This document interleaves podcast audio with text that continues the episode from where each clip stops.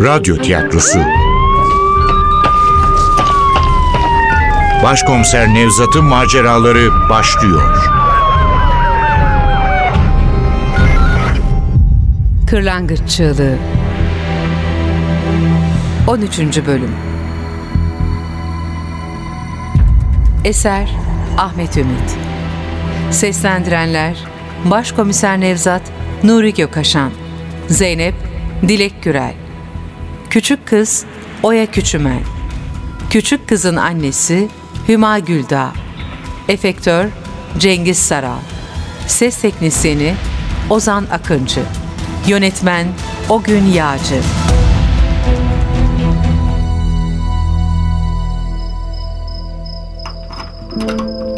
Eve geldiğimde banyo yapacak takati bile bulamamıştım kendimde.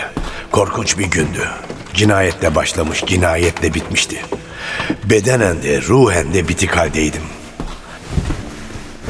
Odaya girer girmez öylece atmıştım kendimi yatağa. Dalmış olmalıyım. Ne kadar uyuduğumu bilmiyorum. Belki birkaç saat, belki sadece bir an. Sonra Zeynep'in sözleriyle gözlerimi açtım. Ali yapmış olabilir mi başkomiserim? Ses o kadar yakından geliyordu ki Zeynep başucumda dikiliyor sandım. Şaşkınlıkla etrafa bakındım. Elbette ne Zeynep vardı odada ne de sesi. Fakat o soru habis bir tümör gibi beynimi kemirmeyi sürdürüyordu. Tedirginlik içinde doğruldum yataktan. Gözlerim loş karanlığa alışırken bir kez daha çınladı o soru kulaklarımda. Ali yapmış olabilir mi başkomiserim? Hicabi Emir İnci'yi kim bilir kaç bıçak darbesiyle delik deşik eden katil yardımcım olabilir miydi? Ali'nin o ezgin hali geldi gözlerimin önüne. Utanç içinde başını eğmesi, ardından çıldırmış gibi çekip gitmesi.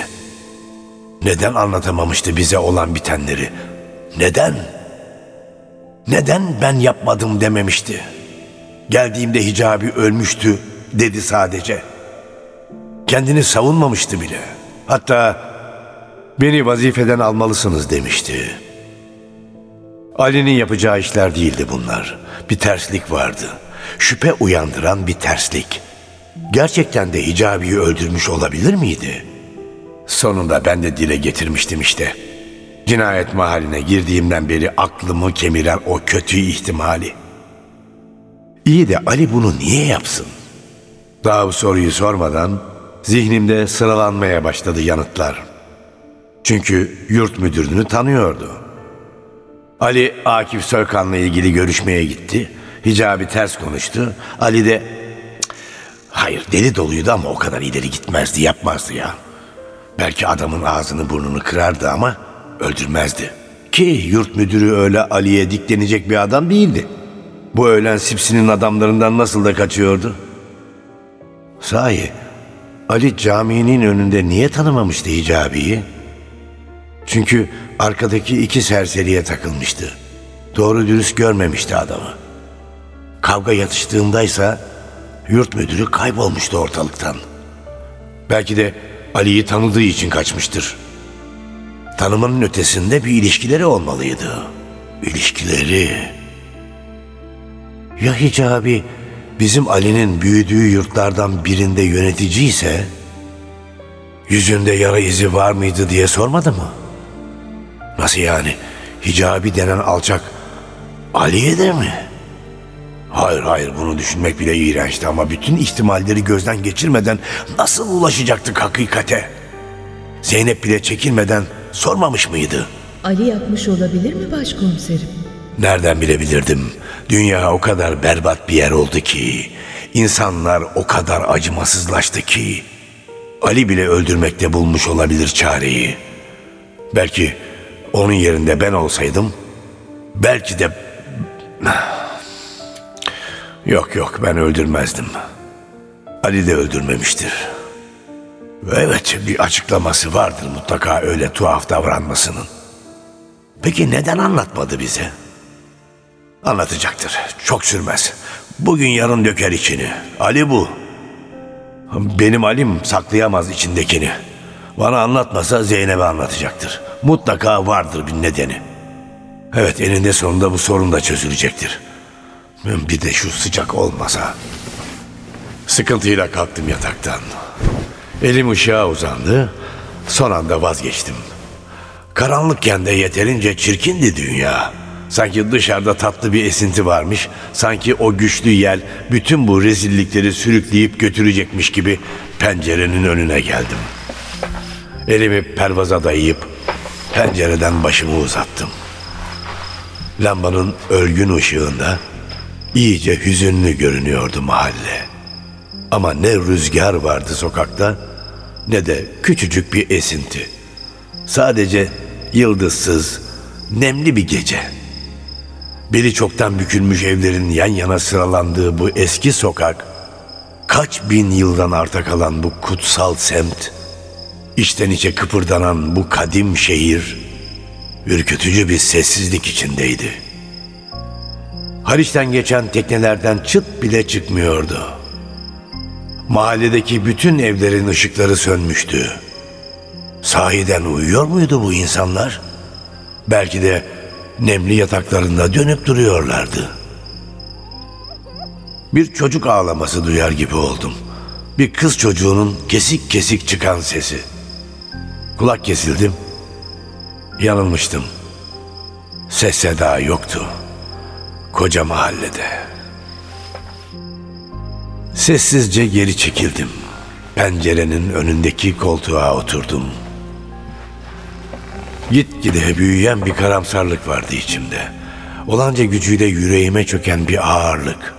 Kalp krizi mi geçirecektim ne? Yok sadece hayatın farkına varıyordum bir kez daha. Hepsi buydu. Eskiden çok iyimser bir adam değildim ama hiç değilse mücadele edebilecek bir kararlılığa sahiptim. İnancım olmasa bile inadım vardı. Ölmeyi beceremiyorsam, küçük de olsa anlamlı işler yapmalıyım diye biliyordum. Galiba o duyguyu yitirmeye başlamıştım. İçimdeki umut ağır ağır ölüyordu. İşin kötüsü bana ayakta kalma, direnme gücünü kazandıran insanları da yitiriyordum. Önce Evgenya, ardından Ali. Yeniden o kız çocuğunun ağlamasını duyar gibi oldum. Bir kez daha kulak kesildim. Ağlayan çocuk falan yoktu sokakta. Ama Evgenya'nın kalbinde bir çocuk vardı. O rüzgar saçlı kız, Suriyeli Azez. Belki de sevgilimin benden ebediyen kopmasına neden olacak kız. Niye kopsun ki Evgenya benden? Yakında bencil bir herif olduğumu anlayacak çünkü. Küçücük bir çocuğun hayatının kurtarılmasını kendi acılarını bahane ederek engellemeye çalışan bir alçak olduğumu fark edecek. Ya hayır hayır o kadar da değil. Kendime haksızlık yapıyordum. Tıpkı Ali'ye yaptığım gibi kendimi de acımasızca mahkum ediyordum. Evgenya bu kızı evlat edinmek istiyorum dediği zaman niye bozuldum öyleyse? Niye öylece kala kaldım? O dünya tatlısı kızı niye nefretle süzdüm? Yo nefretle değil. Sadece kafam karıştı. Kafam hep karışıyor zaten. Güzide'den sonra Evgenya'yı kabul ederken de öyle olmuştu. Ne çekti kadıncağız şu aptal duygusallığımdan. Yo hiç de aptalca değil. Çok doğruydu yaptığım. Bir insanın yerine ötekini kolayca koyamazsın.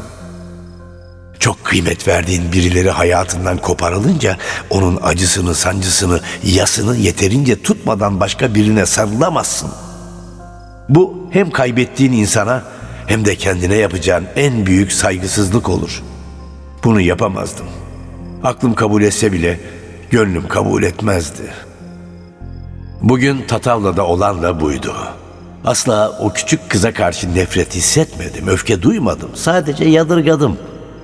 Aysun'umun yerine onu koyabilme fikri tedirgin etti beni. Etmemesi gerekirdi ama kendime engel olamadım. Sanki kızımı bu kez de ben öldürüyormuşum gibi geldi. Saçma ama böyle hissettim. Belki de hazırlıksız yakalanmıştım. Evgenya çok doğru bir iş yapıyordu ama keşke daha önceden benimle konuşsaydı. Düşüncesini bana açsaydı, beni hazırlasaydı. Sanırım olduğumdan daha iyi biri zannediyor beni. Daha olgun, daha güçlü. Ama değildim. Herkes gibiydim. Belki herkesten daha zayıftım. Çünkü herkesten fazla yaralanmıştım. Ama ne olursa olsun bu duyguyu yenmek zorundaydım. Evgenya'yı yalnız bırakamazdım. Ne Evgenya'yı ne de o Suriyeli rüzgar saçlı Aziz'i. Bir daha duydum ağlayan kız çocuğunun sesini. Zihnim bana oyun oynuyordu galiba. Hayır gerçekten bir çocuk ağlıyordu. Daha önce de doğru duymuştum. Bir kız çocuğuydu ağlayan. Şimdi daha belirgin olarak işitiyordum. Yan komşulardan geliyordu ses. Şoför Tahsin'in kızı olmalıydı. Nergis. İri mavi gözleri boncuk boncuk bakan, büklüm büklüm sarı saçlı dünya tatlısı bir kız. Üç ay kadar önce başlamıştı konuşmaya. Bazı sözcükleri tam söyleyemese de bıcır bıcır anlatıyordu bütün derdini. Neden korktuysa yavrucak artık gece yarısı. Evet, annesinin sesini de duydum işte. Korkacak bir şey yok. Çok şey vardı korkacak aslında ama annen yanındaysa. Bir kez daha anladım Aziz'e nasıl bir kötülük yapmak üzere olduğumu. Hayır o kızı evlat edinecek, bağrımıza basacak, içimde büyüyen o yanlış hislere inat sevgiyle büyütecektik. Evet başka ihtimal yoktu. Hiç değilse bir insanı kurtarmış olurduk. Böyle düşününce, bu karara varınca kendimi daha iyi hissetmeye başladım. O sırada çalmaya başladı telefonum.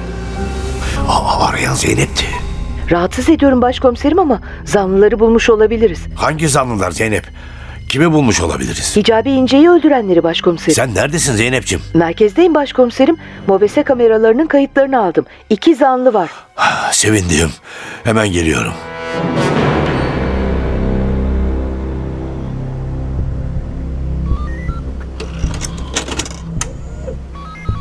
Görür görmez teşhis ettim adamları. Hicabi İnci'nin apartmanının bahçesine girerken yakalanmışlardı sokak kamerasına. Aslında görüntüler bozuktu ama sırtlarındaki siyah takım elbiseleri, burnundaki bandajıyla Serkan'ı ve yanındaki çakalı nerede olsa tanırdım.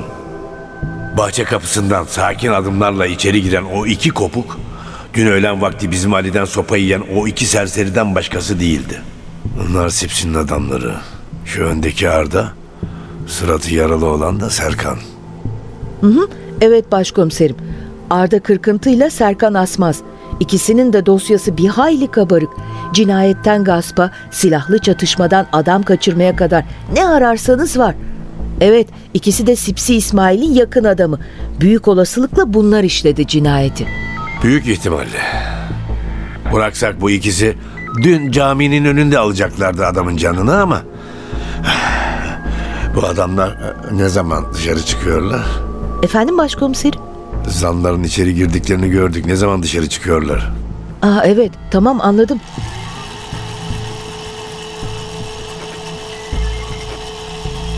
Hmm, İşte, işte buradalar. 37 dakika sonra yeniden yakalanıyorlar kameraya. Görüntüler netleşti. Arda ile Serkan bir kez daha belirdi ekranda.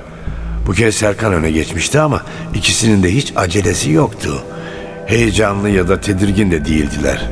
Az önce birini bıçakla delik deşik etmiş katillere hiç ama hiç benzemiyorlardı. Ne kadar da sakinler.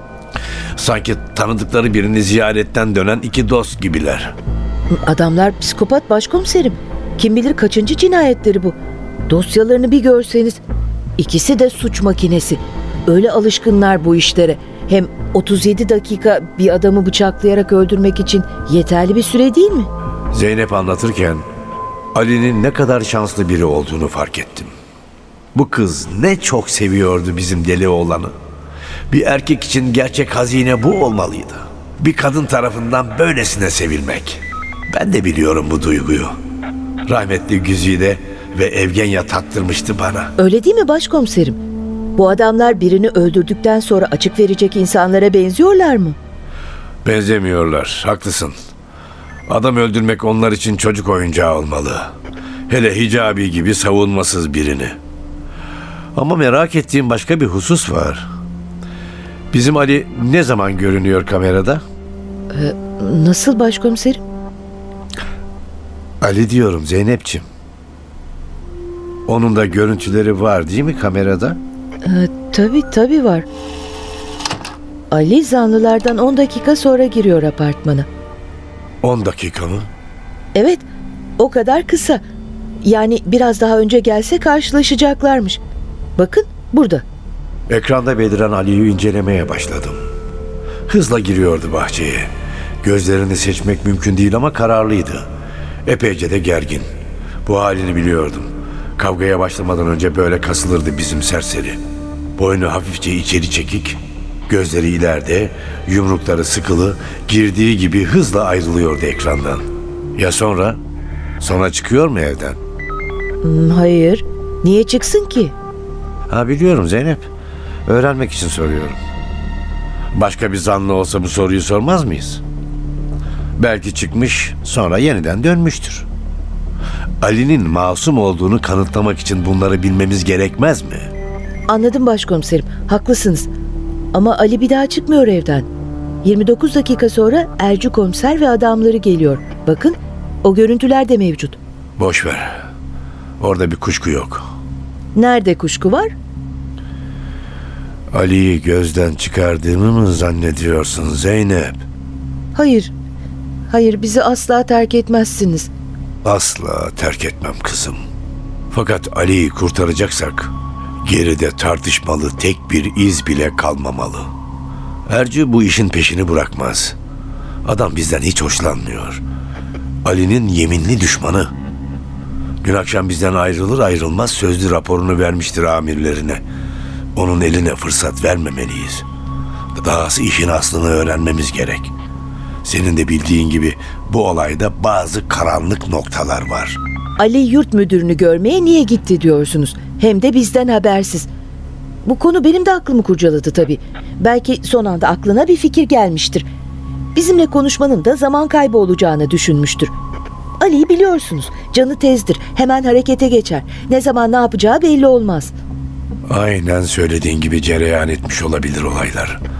Hatta Hicabi'yi önceden tanıyor da olabilir. Belki de bunu öğrenince yurt müdürüyle konuşmak istedi. Bize haber verecek zaman da bulamadı.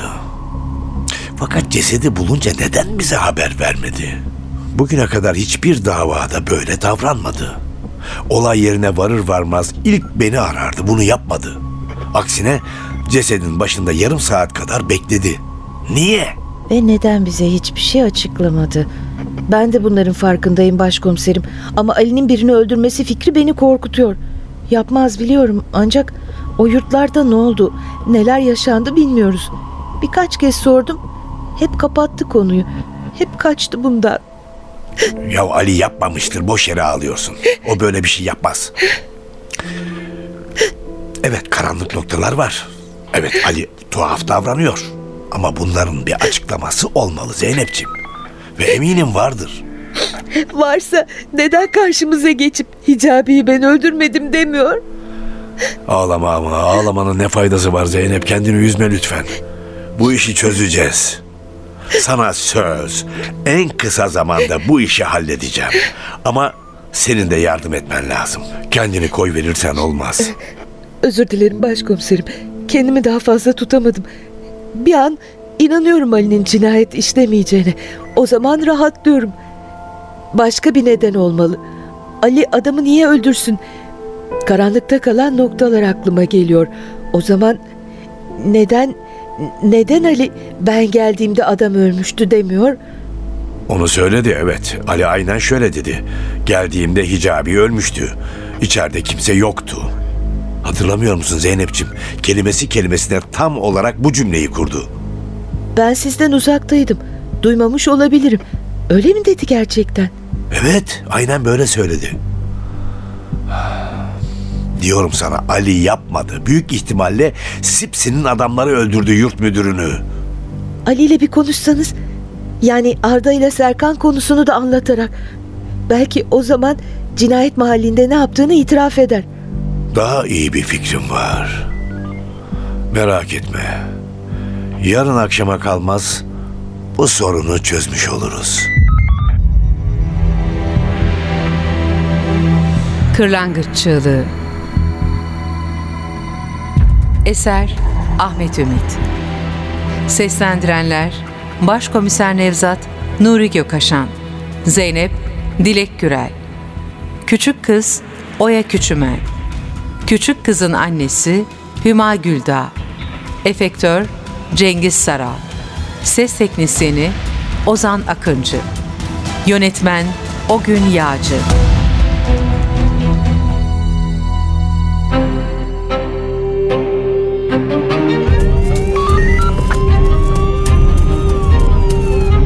Radyo tiyatrosu. Başkomiser Nevzat'ın maceraları Başkomiser Nevzat'ın maceraları her cumartesi 11.15'te NTV Radyo'da. Kaçıranlar ve tekrar dinlemek isteyenler içinse ntvradio.com.tr'deki podcast sayfamızda.